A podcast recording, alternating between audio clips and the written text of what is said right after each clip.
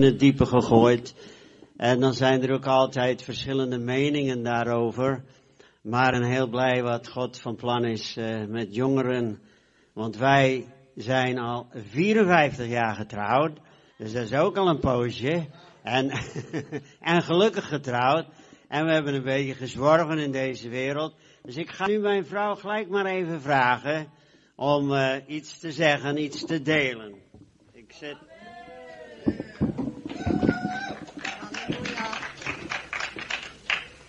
Prijs de Heer, ik voel me thuis hier bij jullie. Halleluja. Ik heb hier een, ik wil iets voorlezen van een, jonge vrouw. Ze is een christen. En ze heeft me dit gegeven. Ze zegt, misschien kan je het voorlezen hier en daar. Dus voor alle ouders en voor opa en oma's heeft ze het geschreven. En ik, ze zegt, als je, dan kan je misschien hier en daar voorlezen. En dat gaat wel. Oh. Make a joyful noise, hè. Eh?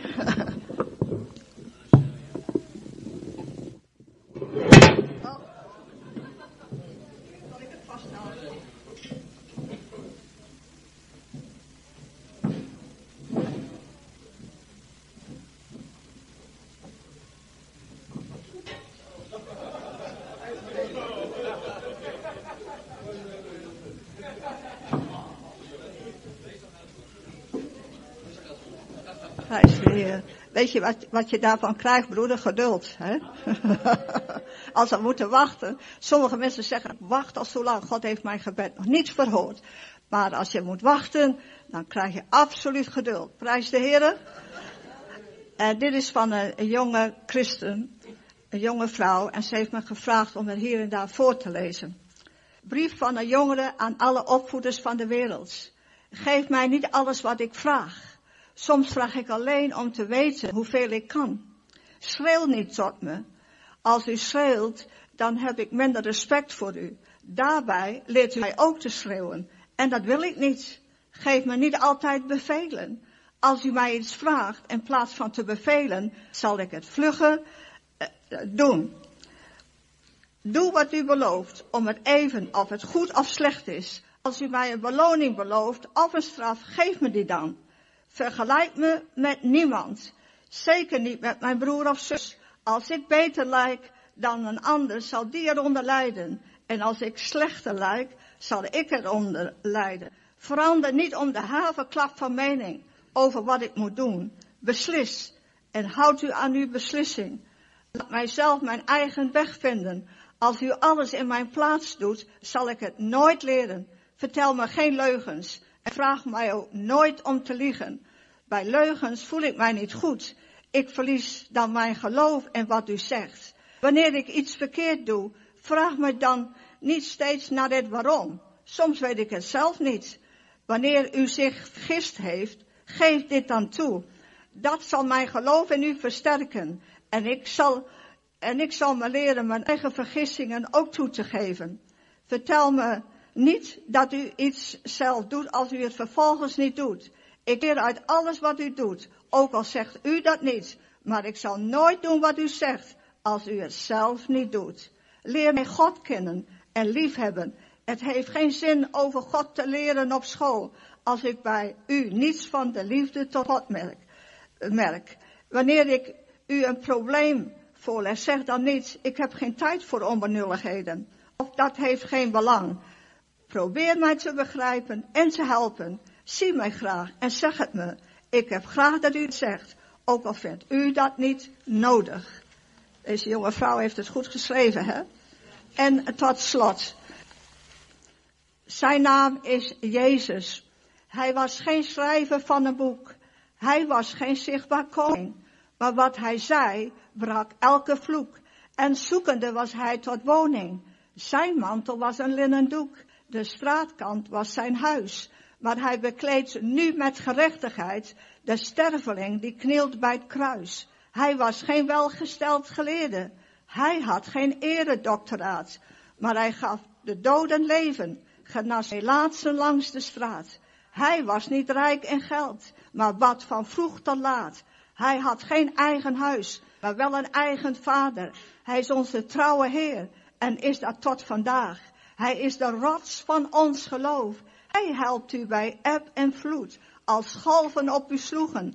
Daar is zijn troostwoord, als soms mensen u bedroeven. Hij wil en is uw leidsman. Het is zijn licht dat u bescheen in menig donkere nacht. Hij heeft u op zijn tijd in de oase van zijn rust gebracht. Zijn trouw omgeeft uw huis, bewaart voortdurend uw gezin. Hij geeft u visie, inzicht, kracht en voert u tot de overwinning. Zijn naam zal hoop en vrede geven. Hij is uw raadsman. Hij is uw voorspraak en wil uw vriend zijn. Hij droeg voor u het kruis. Geen dag bleef ongezien. Hij leidde u gestaag. Geen vraag bleef onbemerkt van alle vragen die u vroeg. Geen dag bleef onbewerkt. Hij bouwde zelf geen kern en sliep waar men hem wees. Maar hij zal blijven werken. Hij kent geen nederlaag of vrees. Hij is uw wijnstok, uw rijkste levensbron. Hij is uw heiland die u volgaat. Het leven, de waarheid, eeuwig licht en zon. Het is zijn plan dat vaststaat toen hij met u begon. Hij was en is de muur die u beschutte, dag en nacht. Hij is uw herder die u tot dit tijdstip heeft gebracht. Hij heeft het al geleden. Het is volbracht. Prijs de Heer voor onze heiland. Halleluja. Geef het terug aan mijn man. Weet je, hij heeft al gezegd hoe lang dat wij getrouwd zijn. Maar ik hou niet van een saai huwelijk. Ik doe wat ik kan doen en God doet wat wij niet kunnen. Halleluja. En het is nog even, het is nog zo goed tussen ons. En daar dank ik God voor. Halleluja. God zegen jullie. En als je een zwaantje ziet, even bidden voor jou, zwaantje. Hè?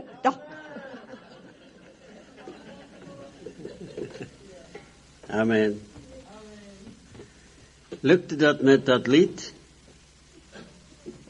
Even luisteren en even kijken. How great is our God.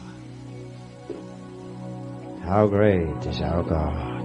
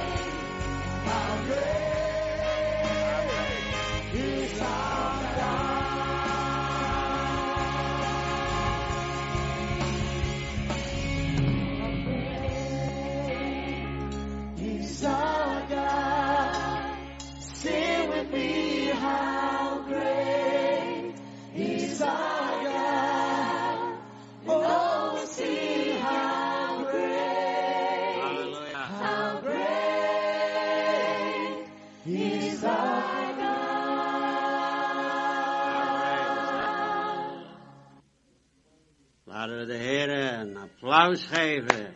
Hij is goed. Hij is goed. Deze DVD heb ik gemaakt omdat ik meen soms wel eens te veel techniek. Maar in de zang en lofprijs gaat het ook om de zalving van de Heilige Geest.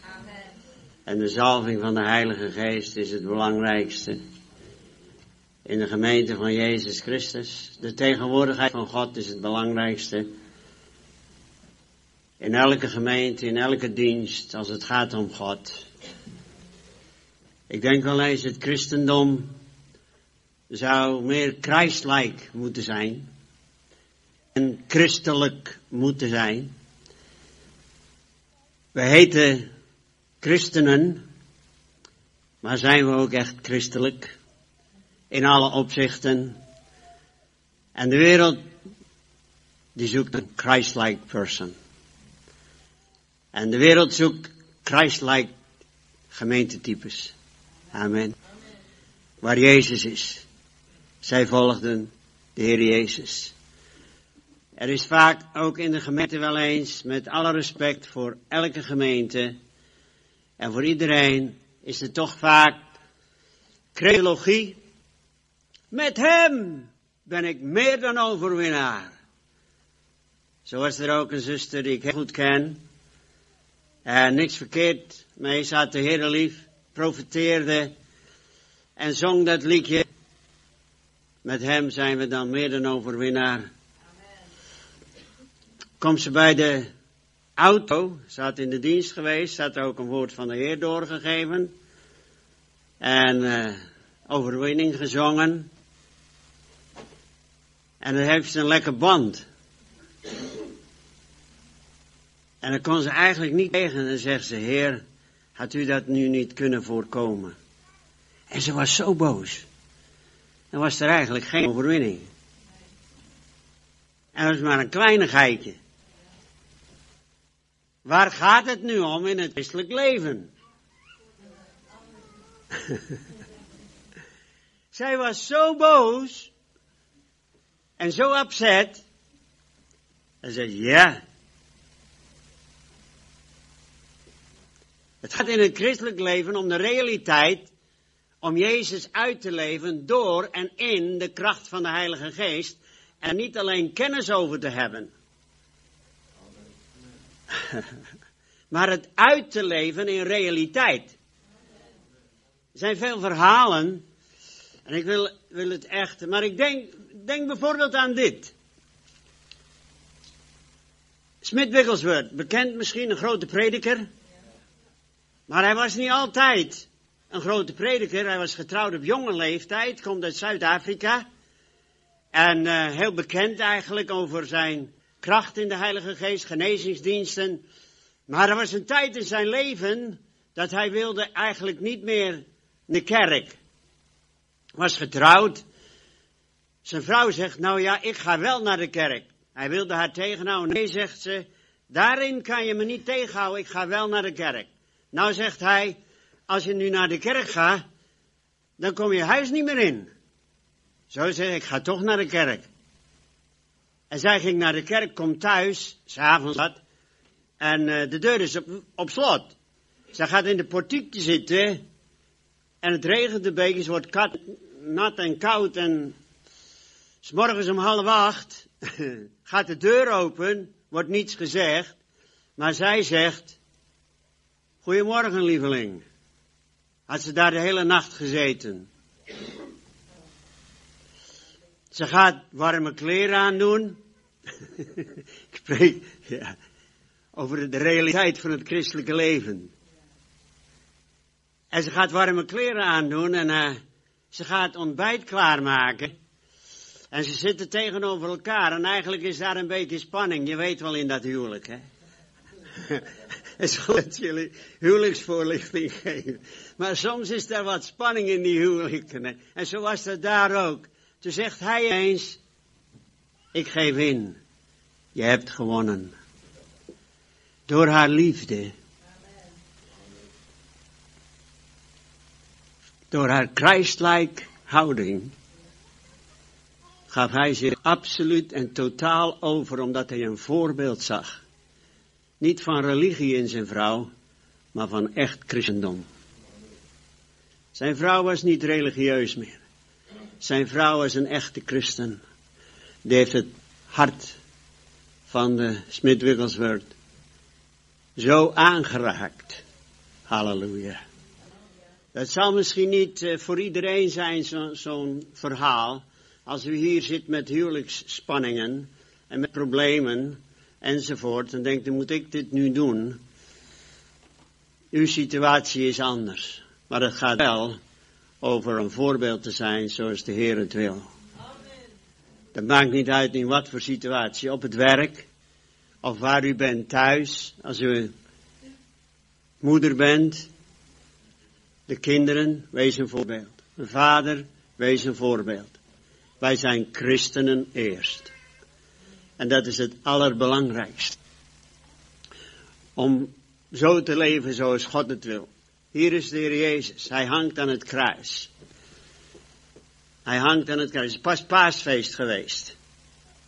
En er was die man uit Afrika. Die naar Jeruzalem was gekomen voor het paasfeest. En hij ziet die geweldige scharen. Heel praktisch. En hij ziet een man lopen met een kruis op zijn rug. En hij hoort de scharen schreeuwen. En wat, wat weet die man? En ze pikken hem op. Zomaar uit. Hij is een bezoeker in Jeruzalem. Hij heeft twee zonen. Komt later nog weer voor in de Bijbel bij Paulus. Rufus en Alexander. En deze man wordt gevraagd om een kruis te dragen. Hij weet misschien niet eens de diepte van wat God hier gebruikt en doet met zijn leven en met het leven van duizenden anderen. Maar er is de Heer Jezus, want die kon niet meer van de pijn.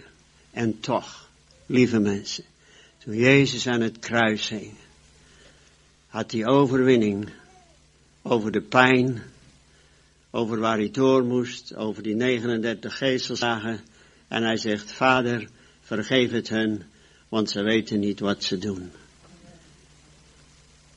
Dat is overwinning over deze buitenkant van ons leven. Het gaat om de binnenkant, om de kracht van de Heilige Geest. Gelooft u dat God u kracht wil geven? Want in onze eigen kracht kunnen we dat niet. Ik heb nog één voorbeeld. Dat is Petrus. Die zegt, en hij, hij meende het ergens ook. Hij zegt, Heer, als zullen ze u allen verlaten. Wat zegt hij dan? Precies. Ik verlaat u niet. Denkt u dat hij dat meende? Hij meende dat met zijn hele hart. Maar hij wist de prijs niet daaraan verbonden om Jezus. Want Jezus ging eigenlijk de dood in. En hij was eigenlijk niet uh, aware. Hij begreep niet dat het zo ernstig zou worden met Jezus. Toen hij dat zei. Hij zei, ik blijf u volgen. wordt hij geconfronteerd met de realiteit van de dood. Oh, ik Jezus volgen, dan ga ik ook. Dan ga ik er ook aan. Ja, en dat, dat komt naar hem toe. En die prijs is te hoog. Er wordt weinig over, de kruis, over het kruis gesproken van zelfverloochening enzovoort, enzovoort, enzovoort. En dat het christendom alleen maar God wil wonderen doen, God wil wonderen doen, amen. God wil mensen genezen. God, God is een, een machtig God. Maar er is ook een andere kant in het, in het christelijk leven. En Petrus, die werd daarmee geconfronteerd. En toen zei vroegen, u hoort er ook bij, u kent het verhaal. Jezus ligt daar op de grond, gebonden en gespuugd enzovoort. Zegt hij, nee, ik ken hem niet. Drie keer toe.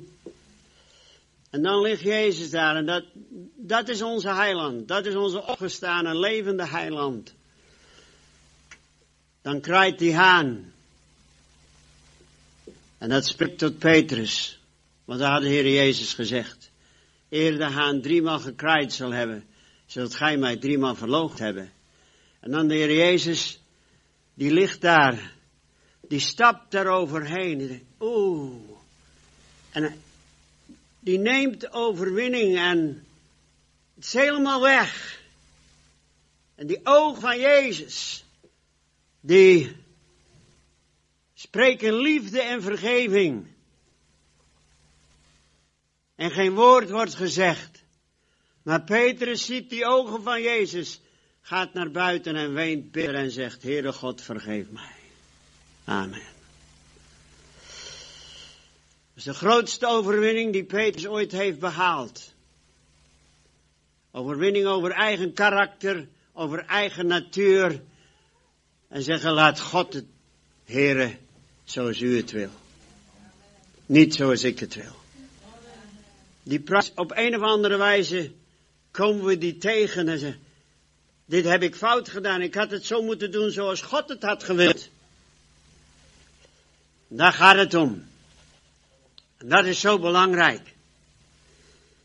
Denk aan nog een paar uh, dingen in de Bijbel. Wat ik graag even voor wil lezen, want gelooft u in het levende woord van God? Gelooft u dat Israël, en dat zoek ik zo op even in de Bijbel, die nog in Egypte was, toen Mozes eraan kwam met die tien wonderen en tekenen voor Farao en Egypte, dat Israël wist, gelooft u dat Israël toen wist, dat God met hen voor had om hen naar het beloofde land terug te brengen? Ja. Ja, dat wisten ze duidelijk. Dat wisten ze. Dat wisten ze. Razend enthousiast, toen ze door de Rode Zee heen gegaan waren. Gods bedoeling was niet dat ze voor de Rode Zee zouden blijven staan. Er doorheen, maar Gods bedoeling was ook niet dat ze in de woestijn zouden blijven steken. Dat was Gods bedoeling niet. Dat is ook Gods bedoeling niet voor mij, ook Gods bedoeling niet voor u, geestelijk gesproken. Gods bedoeling is met het christelijke leven om in overwing te leven. Dat is de bedoeling van God. En daar geeft hij de heilige, heeft hij, sorry, de heilige geest voor gegeven, want dat kunnen we juist weer niet in eigen kracht. Daar hebben we de kracht van de heilige geest voor nodig.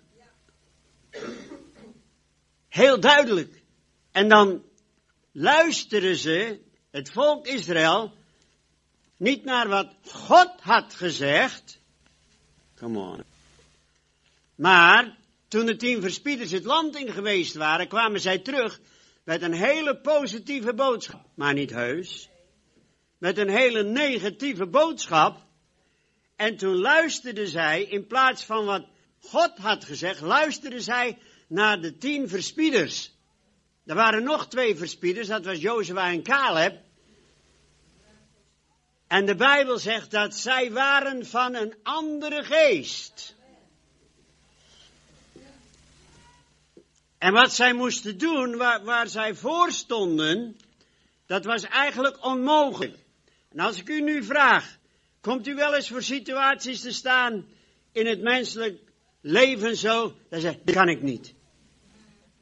Dit lukt mij niet. Wie zegt wel eens, dit lukt mij helemaal niet. Ja. Dit lukt mij niet. Dit lukt mij niet. Terwijl God, ja. Halleluja. Ik had ook gezegd, heer, we zijn pas verhuisd, we wonen nu tussen twee haakjes in Nieuwegein. Sinds uh, net twee weken. Dat is beter voor ons in het centrum van het land. En ik blijf lesgeven in Nehemia op de scholen en zo. Dat, uh, maar dat is allemaal hetzelfde. Maar ik woon ietsje meer centraal. Samen met mijn vrouw om nog te dienen. Het lichaam van Christus dienen wij. En uh, daar, prijzen we de Heer voor. Maar. toen ze ons vroegen, ga nu verhuizen broeder Jaap. Toen zeg ik, dat trek ik niet meer. Hoe vaak wij al niet verhuisd zijn. En hoe vaak en waar wij niet ge ge geweest zijn. In Finland, in Rusland. Prachtige diensten gehad in Rusland. Ja, in de Leninhal moet je meemaken. Als je dat wist. Ja, er is een kerk uit ontstaan in de tijd. Maar hoe, wat we dan meemaken, hoe je daar bent en wat er allemaal zit, dat lukt mij niet. Daar had ik het over. Dat lukt mij niet. En luister ze naar, het, naar de verspieder. Dat wil ik even voorlezen uit nummer 13, want ik vind het heel frappant. Dat hadden ze nooit moeten doen. Want ja, woorden hebben invloed. Zeg het eens. Woorden hebben invloed. Zeg nog eens. Woorden hebben gezag. Ja, daar ga ik zo even iets van zeggen. Uh, maar eerst even in nummer uh, hoofdstuk 13. En dan leest u in vers 32. Het gaat eigenlijk dwars tegen alles in wat God had gezegd. En het gaat erom wat God had gezegd. En vers 32 komen de verspieders terug van het land. En zij uh, verspreiden onder de Israëlieten, vers 32, een kwaad gerucht. Dat doen woorden. Pas op uw woorden, lieve mensen. Pas op puttaal. Als u in de put zit. Spreek geen puttaal.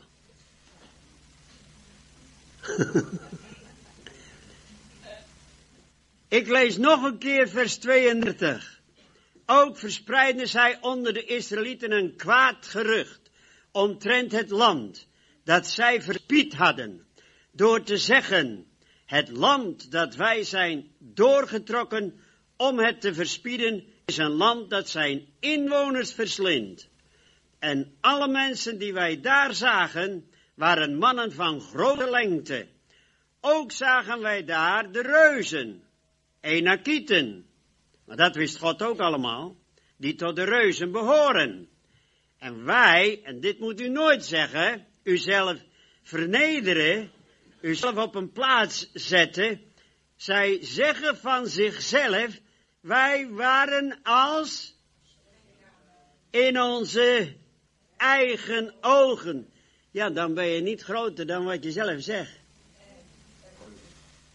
Dan ben je niet groter dan wat je zelf zegt. En dat is heel belangrijk wat jij uitspreekt, ook in dit opzicht.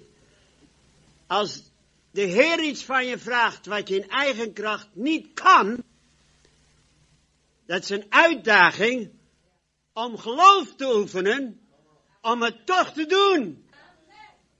En geloof moet geoefend worden. En hier was geloof nodig, niet op wat de mensen zeiden, hoe ze voelden, niet op het emotionele of het gevoelsmatige, maar op het woord van God. God had Mozes geroepen om de Israëlieten te bevrijden. Er was een doel in de roeping van Mozes. En dat doel was dat volk terug te brengen naar het beloofde land. Dat was het doel. U mag gerust zeggen, God heeft een doel, een plan met mijn leven. God heeft een doel. Voordat zij dat stel naar voren riepen, die vrouw die hier de zangdienst deed, doe je handen omhoog, waar zit je? Prijs God, zuster. Laat ons even, ik wil straks even voor jou bidden. Gods hand is op jouw leven. En er is een zalving en er is een, iets van liefde op jouw leven. En je kan ook luisteren naar anderen. En je hebt, je hebt genade om een luisterend oor te geven. Dus de taak die je krijgt is nooit gemakkelijk wat ze net aan je gegeven hebben. Maar God wil je genade geven. Want het mooie van jou is, je zegt niet dat het kan. Jij zegt, God zal mij helpen.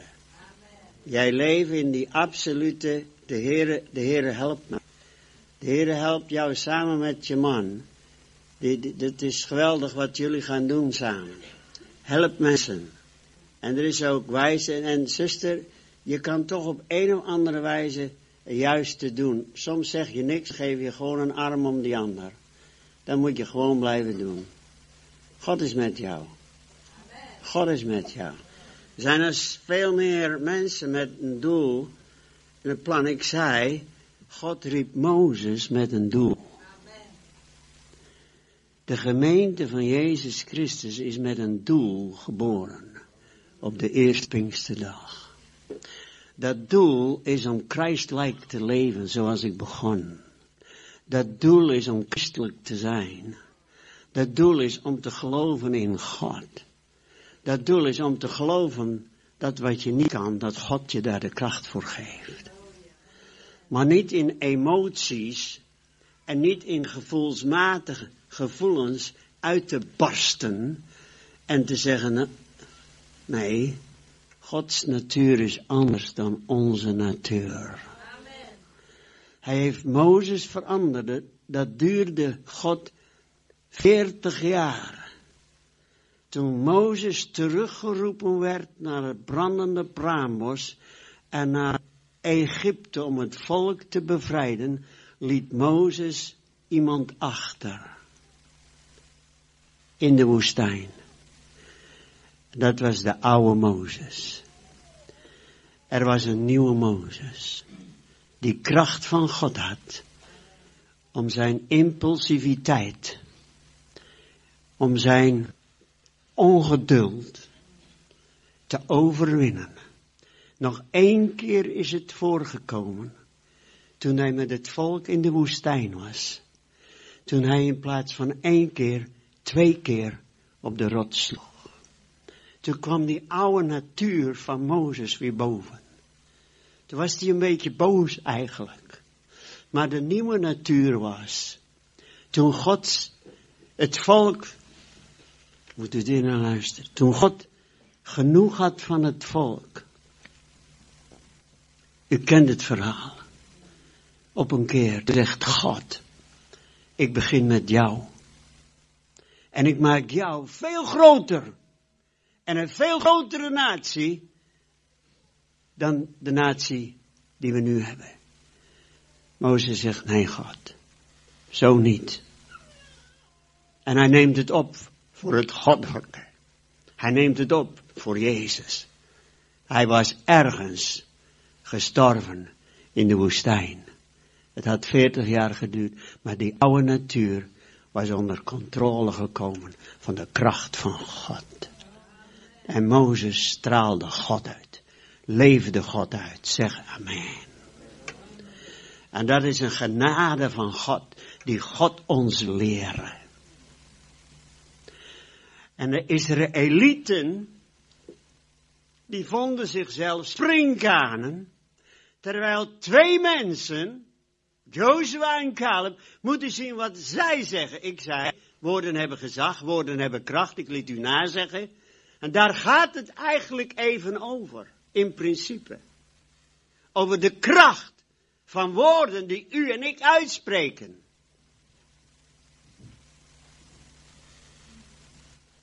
Even in hoofdstuk 14 van Nummerie, daar staat in vers 1, toen verhief, dat is een resultaat van woorden die gesproken werden in plaats van wat God had gesproken. En zij luisterden dus naar de tien verspieders. Ik wil daarbij tussen haakjes ook nog zeggen, Woorden van leiders zijn enorm belangrijk. Dit waren wel tien leiders die het volk, ja, geestelijke leiders, hier moet u zelf maar bijdenken wat u wilt. Maar God wil dat zijn dienstknecht en zijn volk op het juiste pad leiden. Halleluja. Daar was Mozes voor geroepen. En dat is heel belangrijk. En de tien verspieders hebben het volgende resultaat gekregen door hun woorden wat zij uitgesproken hebben. Toen verhief de gehele vergadering haar stem. Vers 1 van hoofdstuk 14. En het volk weende die gehele nacht. We gaan naar vers 6 van hoofdstuk 14. Daar staat, Jozua de zoon van Nun en Caleb de zoon van Jefune behoorden tot diegenen die het land hadden verspied. Zij scheurden hun klederen en zeiden tot de gehele vergadering, het land dat wij doorgetrokken zijn om het te verspieden, dat land is buitengewoon goed. Indien de Heere welgevallen aan ons heeft, en dat heeft hij, dan zal hij ons in dit land brengen en het ons geven. Een land dat vloeit van melk en honing. Ik zou bijna willen zeggen, enkele mensen, en ik ga het zeggen, die hier nu deze morgen zitten, moeten geloofswoorden tegen jezelf uitspreken. In zaken jouw situatie, dat voel ik in God even te zeggen ertussendoor. Geloofswoorden. Heb ik moeten uitspreken op mijn leeftijd toch nog weer alles ertussendoor te doen en te verhuizen, moest ik steeds weer zeggen, Heere, u helpt mij. Dat is een klein iets, maar ik heb het wel duizenden keren gezegd. Heere, u zult mij helpen. Heere, u geeft mij kracht. Heere, u geeft mij vrouwkracht. Heere, u geeft mij kracht. En dan lukt het toch. Anders ga je eronder zitten. En hier zijn we. Wat u moet uitspreken. Als u in spanning zit, juist in uw huwelijk. Spreek uit, Heere, uw liefde gaat overwinnen. Uw liefde gaat over. Spreek geloofswoorden uit naar uzelf. Het is een woord voor enkele mensen hier. Waar ik heel zeker moet zeggen. Spreek. En anderen moeten zeggen. Ik wil niet zien op het negatieve. Spreek het uit dat u dat niet wil zeggen.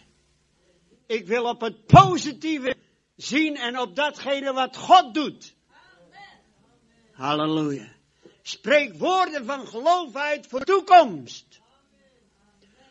De gemeente is de gemeente des Heren. is van de Heere de Almachtige God. Hij zal u leiden en zegenen. Hij zal het doen. Jozua en Caleb zeiden, wees niet opstandig, tegen de Israëlieten zeiden ze dit, tegen de Heere, en gij vreest het volk van het land niet. Vrees de toekomst niet, lieve mensen. Zie met geloof naar de toekomst. De Heere heeft iets in gedachten wat wij niet weten. Dat hoeven wij niet te weten. God weet het. Amen. Want zij zijn ons tot spijs. Die reuzen. Die Caleb. Ongelooflijk wat die man zegt, hè. Hun schaduw is van hun geweken en de Heer is met ons. Vrees de reuzen niet. dat is fantastisch. Maar dit moet u voor uzelf zeggen, dat is heel belangrijk. Nu toch even in praktische over woorden. Want woorden zijn zeer creatief.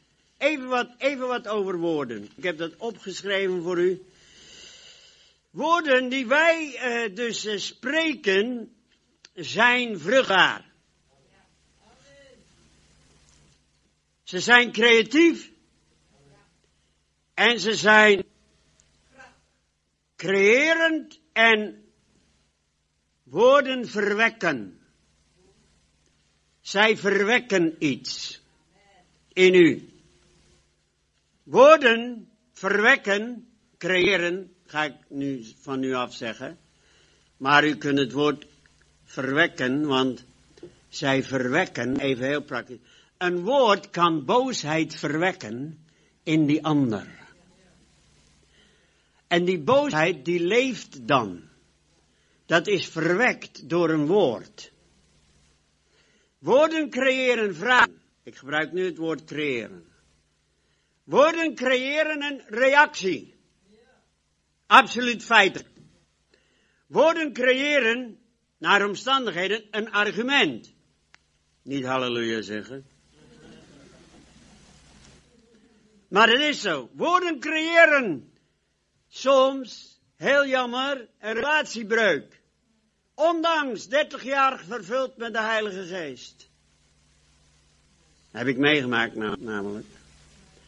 Dat zij toch uit elkaar gingen en broeder Jaap, het lukt mij niet meer.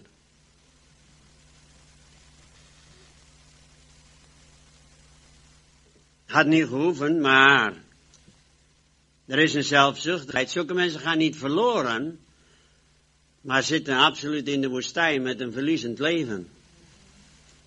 God heeft de woestijn niet bedoeld. Mensen die in de woestijn, die, die, die woestijn, die, die gaan niet verloren. Maar God heeft iets veel mooiers voor ons. God wil dat wij in overwinning leven. Ja, woorden creëren ruzie, vrees, angst. Of ook rust. Halleluja. Of ook onrust. Maar woorden creëren ook vrede. Vrede, shalom. Vrede, zei u. En woorden creëren vrede. En de woorden die God uitspreekt, creëren blijdschap, veiligheid, geloof. Spreek juist tegen je kinderen. Creëer, schep veiligheid in die harten van jouw kinderen. Schep vertrouwen als ouders in de harten van jullie kinderen. Mama is daar.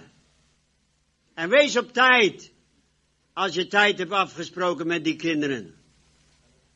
En vind het hart van je kind. En spreek niet alleen lippentaal tegen je kind. Spreek hartstaal. Want er is veel lippentaal. Wil God niet. God spreekt hartstaal.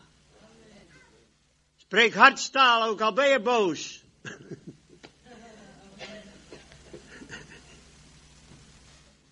maar wees niet gemaakt, dat wil ik zeggen.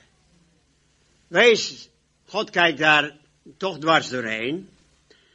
Maar woorden spreken ook geloof. Joshua en Caleb konden trouwens niet genoeg geloof creëren, maar zij spraken geloof. Amen. Geloof. En woorden creëren visie. En visie is nodig, vooral in, de, in het werk van God. Gaan we nu kijken wat de Bijbel zegt. Ik neem even, dit is wel heel belangrijk, want een verslagen geest hè, is, is eigenlijk krachteloos. Een verslagen geest is absoluut krachteloos. Dan moet u naar spreuken gaan. Moet u dat even opzoeken in spreuken. Lees even in spreuken 24. Wat een verslagen geest doet.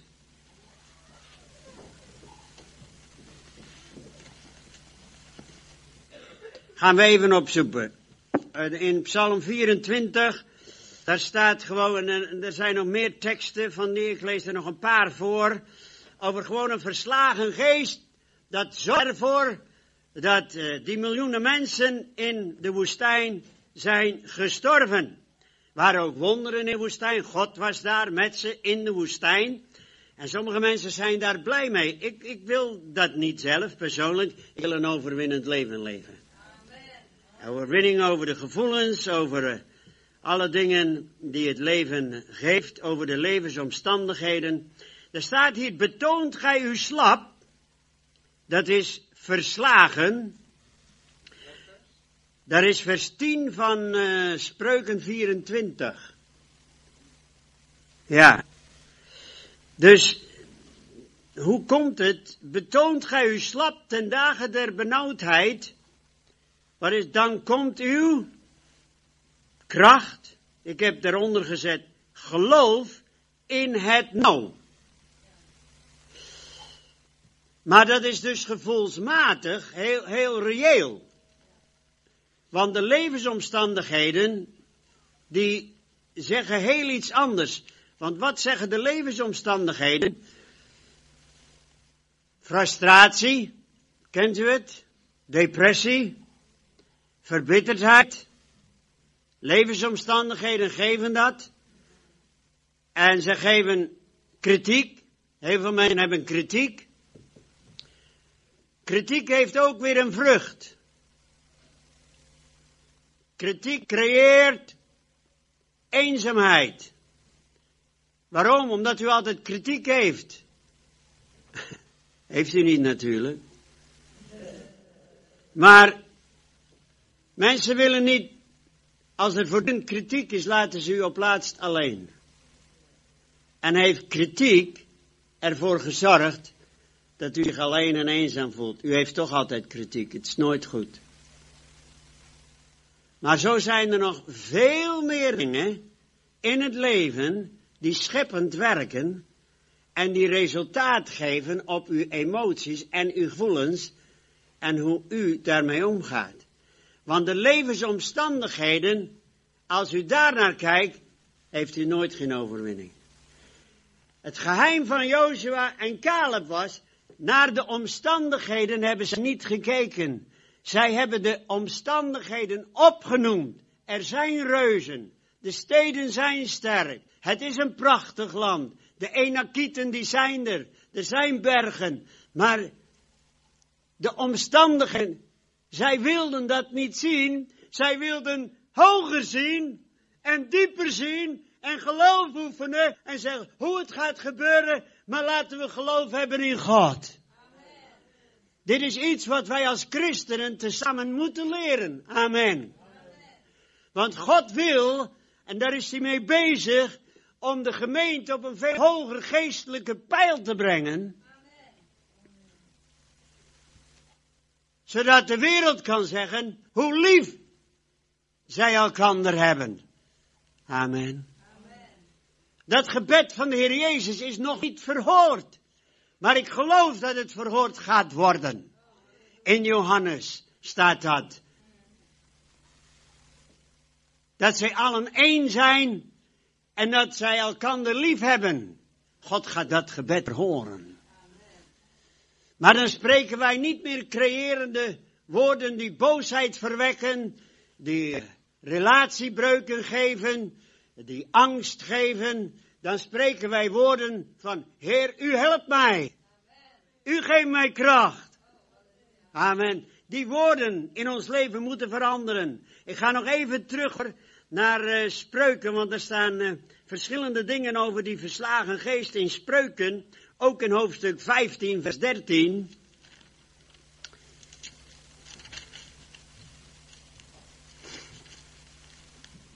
En er is veel harteleed. Er staat, spreekt hier in vers 13 van hoofdstuk 15 in Spreuken. Een blij hart maakt het aangezicht vrolijk. Maar door harteleed wordt de geest verslagen. Wie is er vervuld met de Heilige Geest? En toch,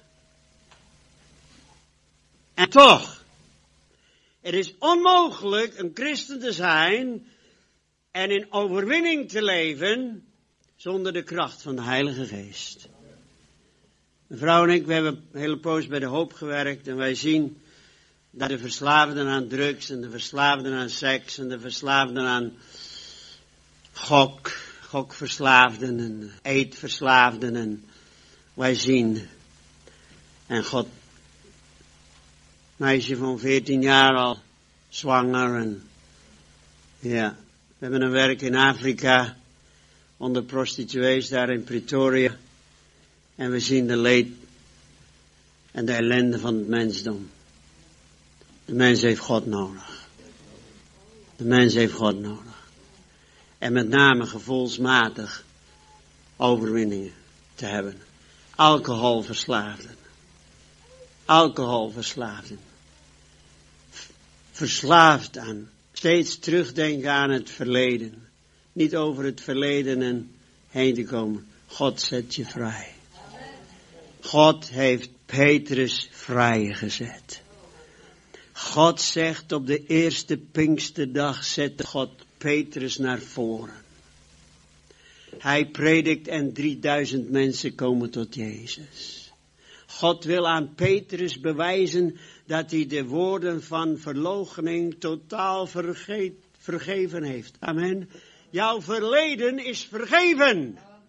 Jouw verleden is weg. Jouw verleden is onder het bloed van Jezus Christus. Daarvoor stierf hij aan het kruis. Daarvoor is hij naar Golgotha gegaan. Toch leven hier nog enkele mensen zoals je niet moet leven. En je weet het. Je weet het. En daar ben ik heel ernstig over.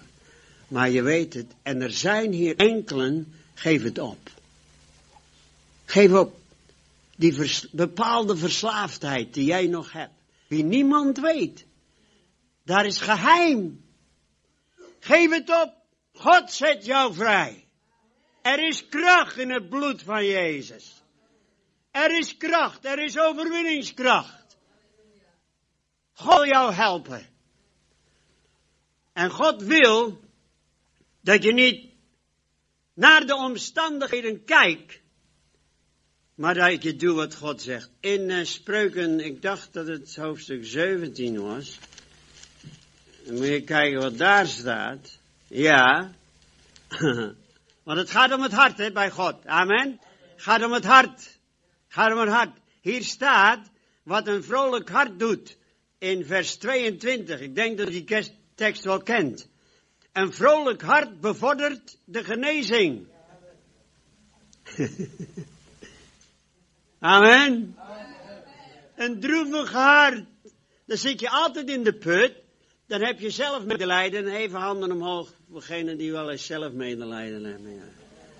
Oh.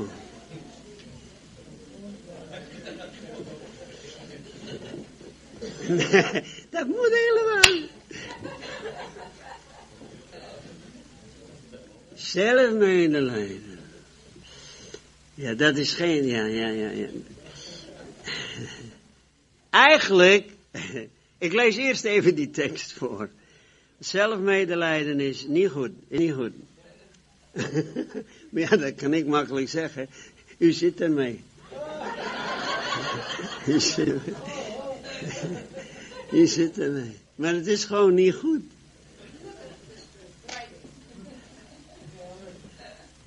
Nee, u moet, uh, u moet tegen uzelf praten.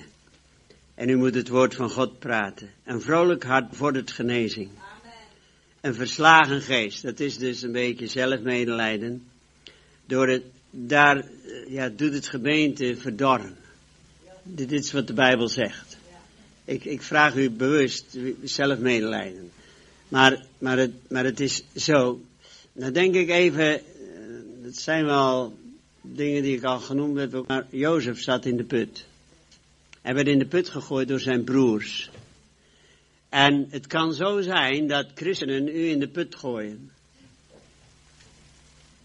Dat is realiteit. En dan zit je in de put, maar hoe kom je er dan uit?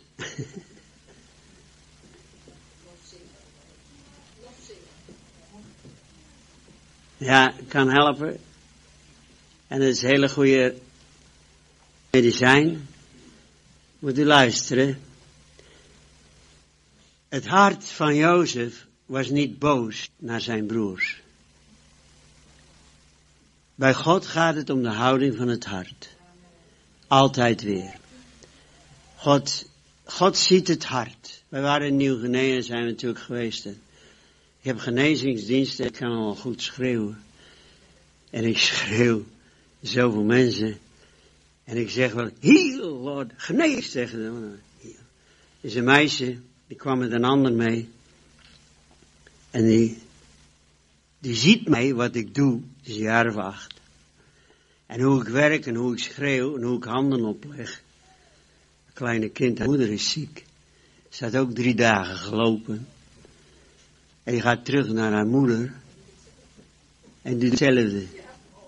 Precies zoals ik deed. En die moeder wordt genezen. Die moeder wordt helemaal genezen. Wij zijn er geweest. Hoe is dit gekomen? Ja. En dat kind noemde mijn naam, Jack en God ziet het hart. Zeg eens, God ziet het hart.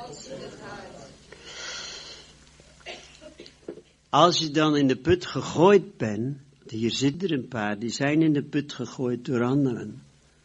En dat komt door woorden wat ik gezegd heb. Maar kan je eruit komen om die ander gewoon te vergeven. Met je hele hart. Amen. Je komt er niet altijd uit met bevrijding en lofprijs. Vergeving zet je vrij. Vergeving zet je vrij. Zeg het eens, vergeving zet mij vrij. Er is nog iets wat jou vrij zet. En dat is loslaten. Laat los. En u zal? Loslating zet vrij. Loslating geeft je een vrije geest. Amen. Wij moeten zoveel loslaten. Zoveel. Want als mijn vlees spreekt, als ik mijn vlees laat spreken en niet de geest, dan ga ik morgen terug naar Australië. Dat is mijn vlees. Maar ik moet zijn in de wil van God. De wil van God gaat tegen het vlees in. Eigenlijk heb ik het daar de hele ochtend over. Maar de wil van God gaat tegen het vlees in. Hier heb ik grijze luchten, in Australië blauwe luchten. En dan, maar zo kan, je niet, zo kan je niet werken. Daar gaat het dus helemaal onbelangrijk. Het is ook gelukkig onbelangrijk geweest in ons leven. De wil van God is het belangrijkste geweest. Jozef, nog even verder, die wordt uit die put gehaald. En die loopt achter die kamelen aan, gebonden aan die kamelen. Hij wordt als slaaf verkocht. En toen komt hij zonder zijn schuld, omdat hij veroordeeld wordt. Omdat hij met van zijn vrouw naar bed zou zijn geweest. Wat niet waar is. Dat zijn woorden, het heeft Jozef niets gedaan. Jozef, die zit in die gevangenis, een jaar of dertien. Had hij overwinning, ja of nee? Als je geen overwinning hebt, spreekt God niet tot je, maar de omstandigheden. Dan blijven de levensomstandigheden tot jou spreken. De realiteit van het leven spreekt. Maar God dan hoor je God niet meer. Dus Jozef, die heeft gewoon contact met God en zegt, God, even zijn woorden, hè. God, vergeef die vrouw maar en die man ook. Ik zit hier nou en ik wil het contact met u niet missen, Heer. Heer, ik wil contact blijven houden met u, Heer. Heer, en dan moet ik die mensen die mij hier in de gevangenis hebben gegooid, moet ik vergeven. Maar ik wil overwinning over mijn gevoelens, over mijn boosheid. En ik wil overwinning over. En, en Jozef had dat. Amen. En dan spreekt God. En hij had een relatie met God in de gevangenis. Zeg nu eens, God overal. Dan moet u even begrijpen wat ik bedoel met God is overal. God zit ook in die gevangenis. Met Jozef. Zeg amen. Wij hebben gewerkt met een evangelist, die had 13 jaar in de gevangenis gezeten. En die had een paar, uh, die was nogal trigger happy. En uh, trigger happy. hij, kon schiet, hij kon goed schieten en hij had bankroven gedaan en had, hij had wat aardig, aardig leuk uh, hard leventje geleefd. Zo, die zit in de gevangenis. Hij zit in de gevangenis 13 jaar en dat laatste jaar zegt hij, ik werd gek van de gedachte Ik moest maar al over Jezus denken. In de gevangenis. Hij zei, ik kon er niet omheen. Ik moest maar al aan Jezus denken. Zijn oma bidde en schreeuwde tot God, red mijn kleinzoon. Zijn kleinzoon, haar kleinzoon, is gered. Hij is een evangelist geworden. We hebben samen vaak campagnes met hem gedaan. Halleluja.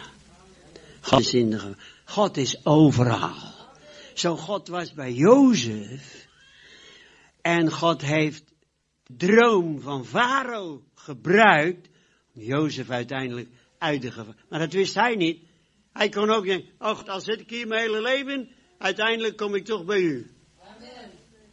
Ja, wat, wat, wat spreekt u tot je nou? Zeg eens, ik ben een kind van God. Ondanks omstandigheden, ik ben een kind van God. Halleluja. Dat is belangrijk, heel belangrijk. Ik ga eindigen met ook weer iets heel praktisch van twee mensen die, ondanks alles wat er met hen gebeurde, absolute overwinningen. Want ik geloof in overwinnend leven. Amen. En ik predik een overwinnend leven. Om, en velen moeten hier nog echt gedoopt worden in de Heilige Geest. En in de kracht van God. Dat kan ik niet doen, maar zoek de genade en de kracht en de zalving van de Heilige Geest. Zoek het. Heel belangrijk. Paulus en Silas. Ik wil nog even dit lezen. Sorry. Nog even. Nog even. In de beginnen was het woord. Het woord was bij God en het woord. Het woord. Halleluja. Dit was in de beginnen bij God. Alle dingen zijn door het. Wie is het woord? Ja. In het woord was leven. En het leven was het licht der mensen. En het licht schijnt in de duisternis. Hij is het lege woord. Bevrucht uw geest. Ja. Waarmee bevrucht gij uw verstand?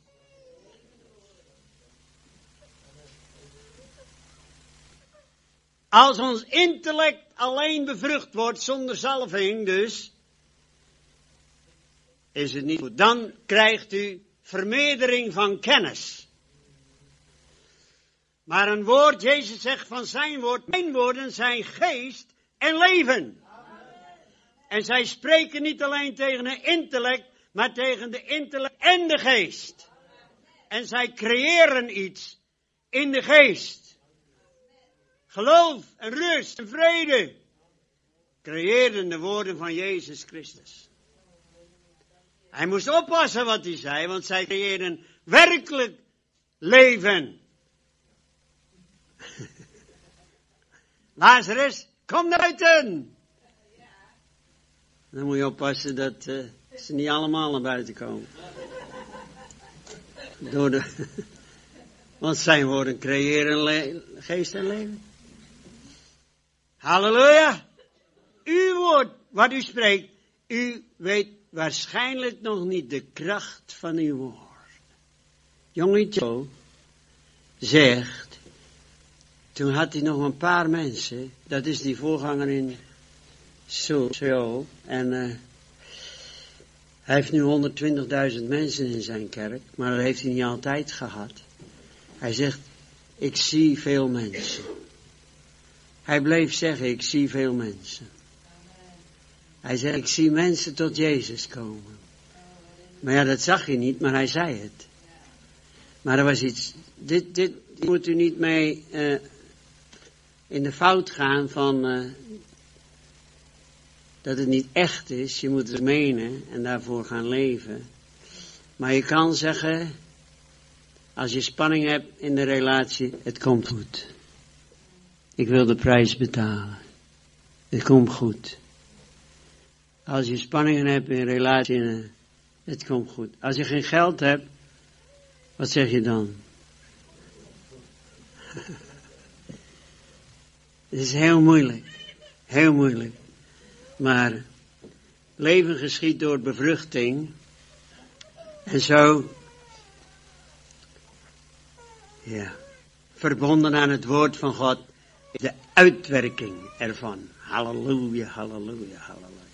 Bevrucht je verstand en bevrucht je geest met het levende woord van God. Bepaalde gedachten geven zelfs depressiviteit. Bepaalde gedachten geven haat en bitterheid. Bepaalde gedachten geven boosheid. Of u verwerpt uzelf door uw eigen gedachten. Verwerp gij uzelf, wat, wat soms helemaal niet. Dan moet een ander u omhoog trekken. Of u trekt die ander in de put. Jozef heeft niemand mee in de put geholpen, omdat hij nooit puttaal heeft gesproken. Maar mensen die in de put zitten, spreken puttaal. En nemen die anderen mee in de put. Omdat ze niet alleen in de put willen zitten.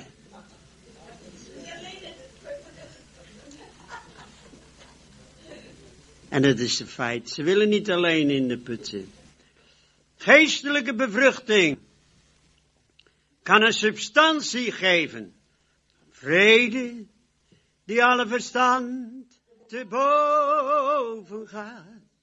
Oh, geestelijke bevruchting kan u geven geloof, kan u geven blijdschap, geestelijke bevruchting geeft u hoop, geeft u visie, geeft u inzicht, geestelijke bevruchting. En het woord van God is geest en leven. Bevrucht u verstand en uw geest met het levende woord van God. Maar het kan zo zijn dat je in de wil van God bent en toch, zoals Paulus en Silas, en daar reinig ik me, in de gevangenis terugkomt. Er is geen garantie dat als je 100% in de wil van God bent, dat die weg effen is en vlak. Maar er is een garantie dat God er is. De Rode Zee werd geopend door God. Manna werd gegeven door God. Water werd gegeven door God. Op de weg van God. Het was een moeilijke weg, maar het was de weg van God. En God had hun door laten stoten het beloofde land in. Maar zij luisterden en keken naar de omstandigheden. Dit lukt ons niet. En zij bleven staan. En God wil niet dat de gemeente blijft staan. God wil dat de gemeente omhoog gaat. God wil dat de gemeente, dat de gaven er zijn, dat de krachten er zijn. Lammen gaan lopen, blinden gaan zien. Doven gaan horen. Ja. Dat is deel van God. Voor de gemeente van Jezus Christus. En dat zondaren tot Jezus komen. Zo eindigende wil ik toch lezen wat er staat. En na hun vele slagen, dit is over Paulus en Silas, gegeven te hebben, vele slagen, wierpen zij hen in de gevangenis, met bevel aan de bewaarder hen zorgvuldig te bewaken. Daar zulk een bevel ontvangen had, hij, zette hij hen in de binnenste kerker, sloot hun voeten zorgvuldig in het blok, maar omstreeks middernacht baden Paulus en Silas en zongen Gods lof. Halleluja. En de gevangenen luisterden naar hen. En God, ik denk dat dat niet toevallig was, die aardbeving, denkt u? Halleluja. Als wij gaan zingen, mijn vrouw en ik, ondanks omstandigheden, dan komt er een bevrijding in onze geest. Amen. Dan zeggen we de omstandigheden spreken, maar God spreekt ook. En uw omstandigheden zullen altijd blijven spreken.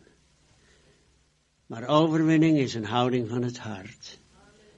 In de relatie met God. En laat uw relatie met God. Ik heb enkele dingen gezegd. En sluit even uw ogen. Ik ga mijn vrouw hier naar voren roepen nu.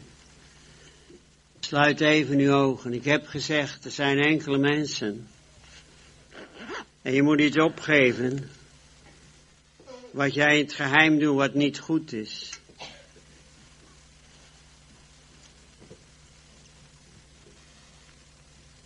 Laat niemand even rondkijken. Ga mijn vrouw eerst uh, vragen om nu een gebed uit te spreken. Hemelse Vader, ik dank u dat gij ons heel persoonlijk kent. U weet ons zitten in ons opstaan. U kent onze strijd. En Heer, we gaan allemaal door strijd heen. We krijgen allemaal problemen. Heer Jezus, wij hebben u zo nodig. En ik dank u, Heer, als wij het moeilijk hebben. Uw woord zegt, roep mij aan in de dagen uw benauwdheid. Heer, laten wij niet vergeten om u aan te roepen. Want hier in eigen kracht komen we er niet door.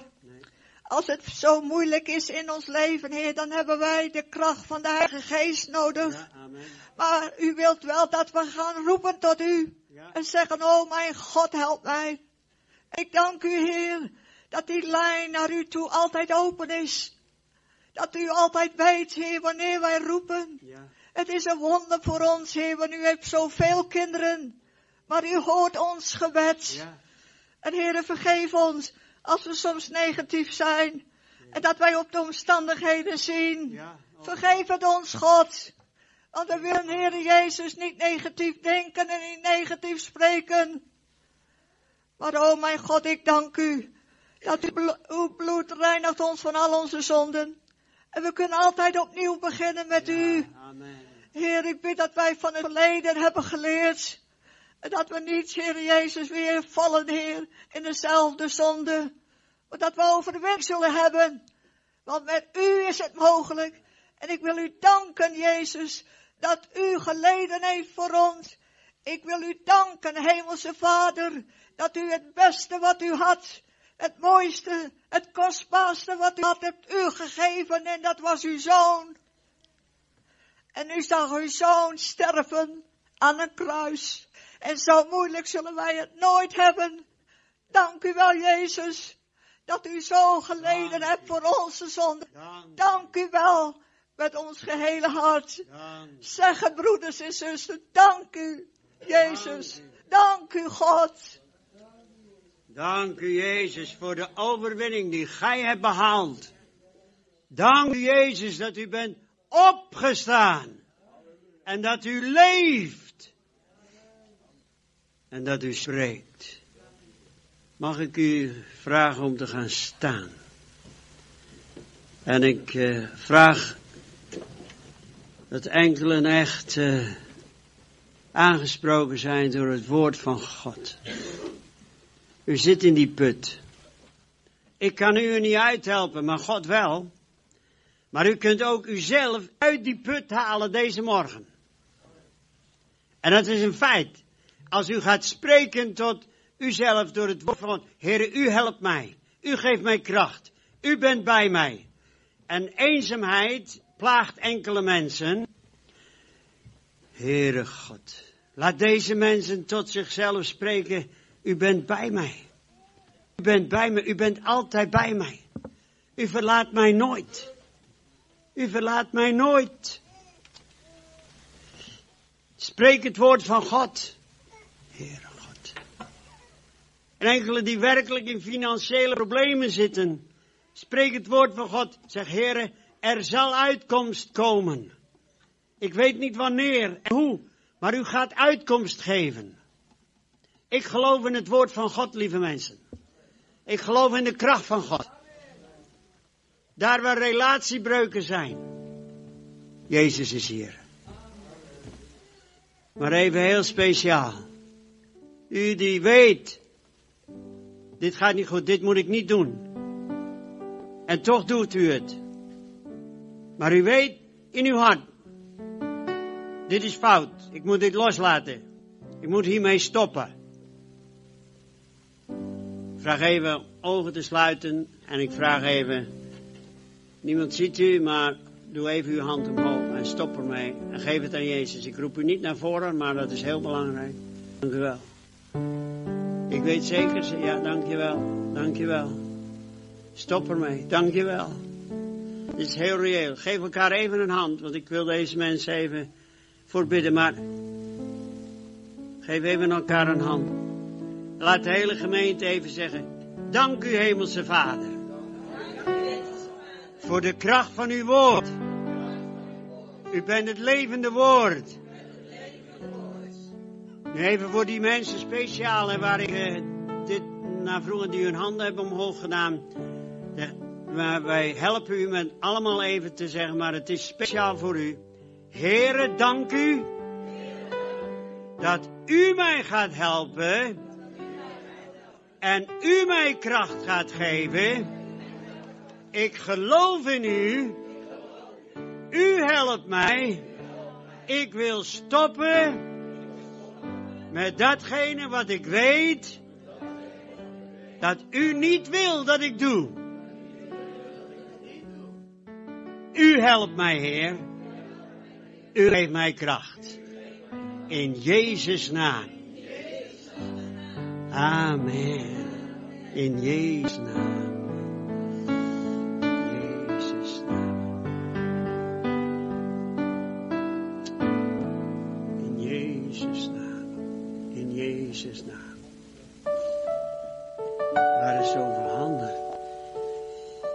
Ik vroeg over uh, zelfmedelijden. Ik kan u niet allemaal naar voren roepen. Maar er waren zoveel handen. Zeg eens, God is hier. Kent u uit die put van zelfmedelijden komen? Ja, toch wel, hè? Dan moet u echt uitkomen.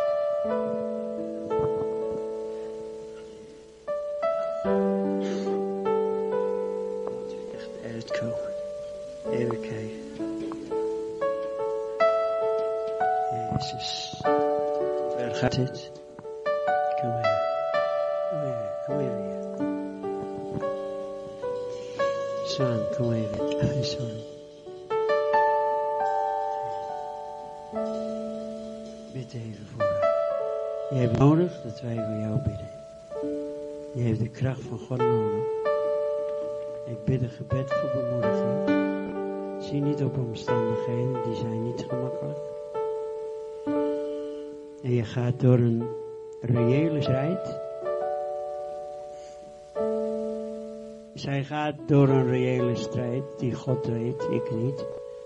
Maar dat is een feit. Dat voel ik in mijn geest. En zo, we gaan voor haar bidden. Ze wil verder, maar staat wel een beetje. Maar je wil wel verder. Je komt er ook, je komt er ook wel doorheen. Je komt er wel doorheen.